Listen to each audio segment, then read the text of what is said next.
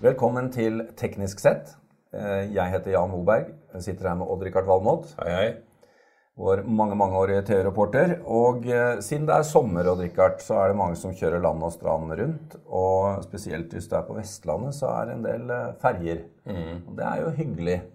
Hyggelig å ta seg en ferjetur. Men ofte så, så har jeg disse du, du Når du, inn når du kommer om bord, ja, Ja. etter å ha stått to timer, ikke det? Ja, det er mye vakker natur å se på mens Ja, du venter òg. Men du ser formelig denne ferja komme mot deg mot lemmen og skal legge til, og så slår den bakk, revers, og så øh, og så ser du bare denne tjukke dieselrøyken stige opp av pipa.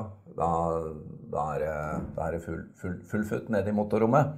Men slik er det jo ikke på alle ferjestrekninger i Norge lenger. Nå er det batteridrevne ferjer. Ja, nå begynner vi å få helelektriske ferjer, og det er jo fantastisk. Det, er, det, det viser jo at det er mulig å introdusere batterier i skipstrafikk også. Ja, for dette er jo store fartøyer.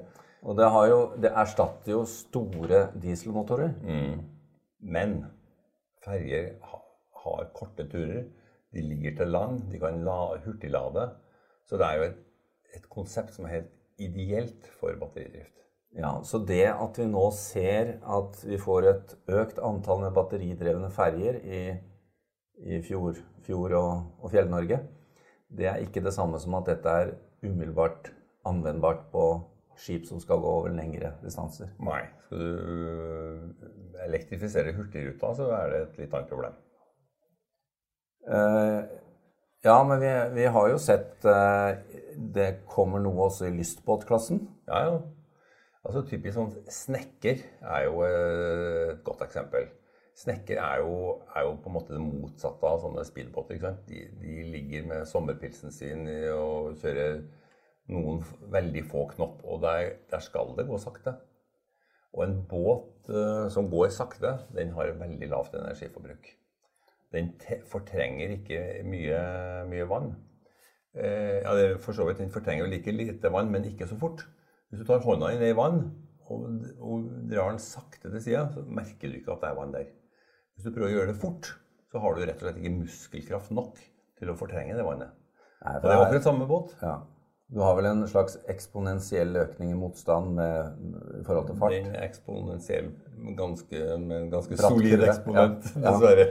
Ja, og det er jo litt av utfordringen. Men når disse, sånn som både ferjer og, og disse andre båtene, da, her er det jo snakk om at du må lade, men hvor, hvor mye batteri, hva er det som begrenser det? Er det batterikapasiteten? Er det hvor mye du kan putte inn i buken på denne båten? Nei, det er plass nok om bord til batterier. Det er ikke noe, er ikke noe problem. Men, øh, og du dimensjonerer jo batteriet etter ferjestrekninga. Er det en lang strekning må du ha mer, er det en kort strekning så klarer jeg med mindre. Og dette er jo veldig sånn, driftssikre batterier. Det er ikke, liksom, det er ikke mobiltelefonbatterier vi snakker om. Disse varer veldig, veldig lenge. Ja, det er også snakk om at selv om man klattlader gjennom dagen, så når, når du har et opphold på ferjestrekningen på nattestid mange steder, så kan den da ligge og lade til topp Ja igjen. Ja. Så dette dimensjoneres altså for hver enkelt fergestrekning, ferjestrekning, egentlig. ja. Eh, Når det gjelder lystbåtklassen, da. eh, Disse snekkene du snakker om. Jeg har også sett noen av disse båtene som har tak med solcellepanel. Mm. det kan jo ikke være nok til å holde båten i drift. Nei, altså solceller kan egentlig bare være sånn ekstra lading. Ligge ute på øya, og Ja så vedlikeholdes batteriet. Ja. Eh, du, får ikke noe, du får ikke noe stort eh, tilskudd av det for å kjøre, nei. Du gjør ikke det. Men vi har sett eh, eksempler på utenbordsmotor som har vært elektrifisert, og vi har hatt norsk Ja. båtprodusent som har forsøkt seg.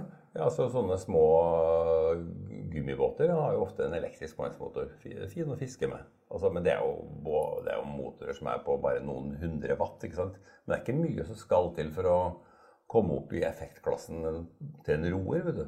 Nei, men det er, derfra opp så blir det mer motstand. har vi skjønt. Du kan jo kjøre fryktelig lenge bare på et bilbatteri. Men det uh, som vi bare må være helt tydelige på Vi har jo tidligere spådd stempelmotorens død i løpet av 20 års tid. På bil, ja. ja. På, på bil, og det må vi presisere igjen. Fordi når vi nå snakker om batterier på skip, så har vi jo ikke inkludert verken eh, supertanker eller de som går over lange distanser. Nei, det det er vanskelig for å se for meg at vi skal kunne eliminere stempelmotoren i et skip. For det første så, så har jo sånne stempelmotorer som går med jevn hastighet over veldig lange distanser de har, Det er jo de motorene i verden hvor du, får, hvor du har for høyest virkningsgrad. Problemet er at de bruker altså et veldig dårlig drivstoff. Altså de, de, bruker det billigste de får tak i. De kan jo gå på råolje, de motorene der. Og de slipper ut fryktelig mye forurensninger. Og NOx. Så løsningen der må, må jo bli å, å, få litt bedre kontroll med drivstoffet. Få noe regelverk rundt drivstoffet som de skal slurpe i seg. Da kan vi spare mye på forurensningstida. Vi klarer neppe å erstatte de, de motorene med noe elektrifisert på veldig lang tid. Men eh, det, og det tror jeg vi kan konkludere med i, på i overskuelig fremtid. Men det har jo skjedd mye bra med type hjelpemaskineri og ja. vekselbruk, da. Ja, ja. Fordi eh, en litt sånn dieselelektrisk eh, variant, og med da mye hjelpemaskineri. Ja, vi skrev jo i forrige uke om Grenland Energy, som nå har fått uh, en uh, sertifisering for et batterisystem som skal drive i kran. Det høres jo ikke så veldig spenstig ut, men ei kran, en båt, en sånn fraktebåt som ligger til kai. Han bruker krana hele tida. Og svært ofte er det mange dieselaggregater som går samtidig eh, på både høyt og både for høyt og for lavt turtall for å drive den krana. For den krana må jo må, ha jo sånne øyeblikkelige utslag. Så plutselig skal den dra. Og tung last. Og, tung last og for lett last etc. Så, så, så, den bruker altså altfor mye dieselkraft for å holde det her eh, i gang. Isteden kan de erstatte flere av de andre dieselaggregatene. Det, det holder med å kjøre ett, kanskje to, og så la de lade batteri. De kan, de kan ha, gi krafttilskudd når det trengs, og så kan de lade batteri.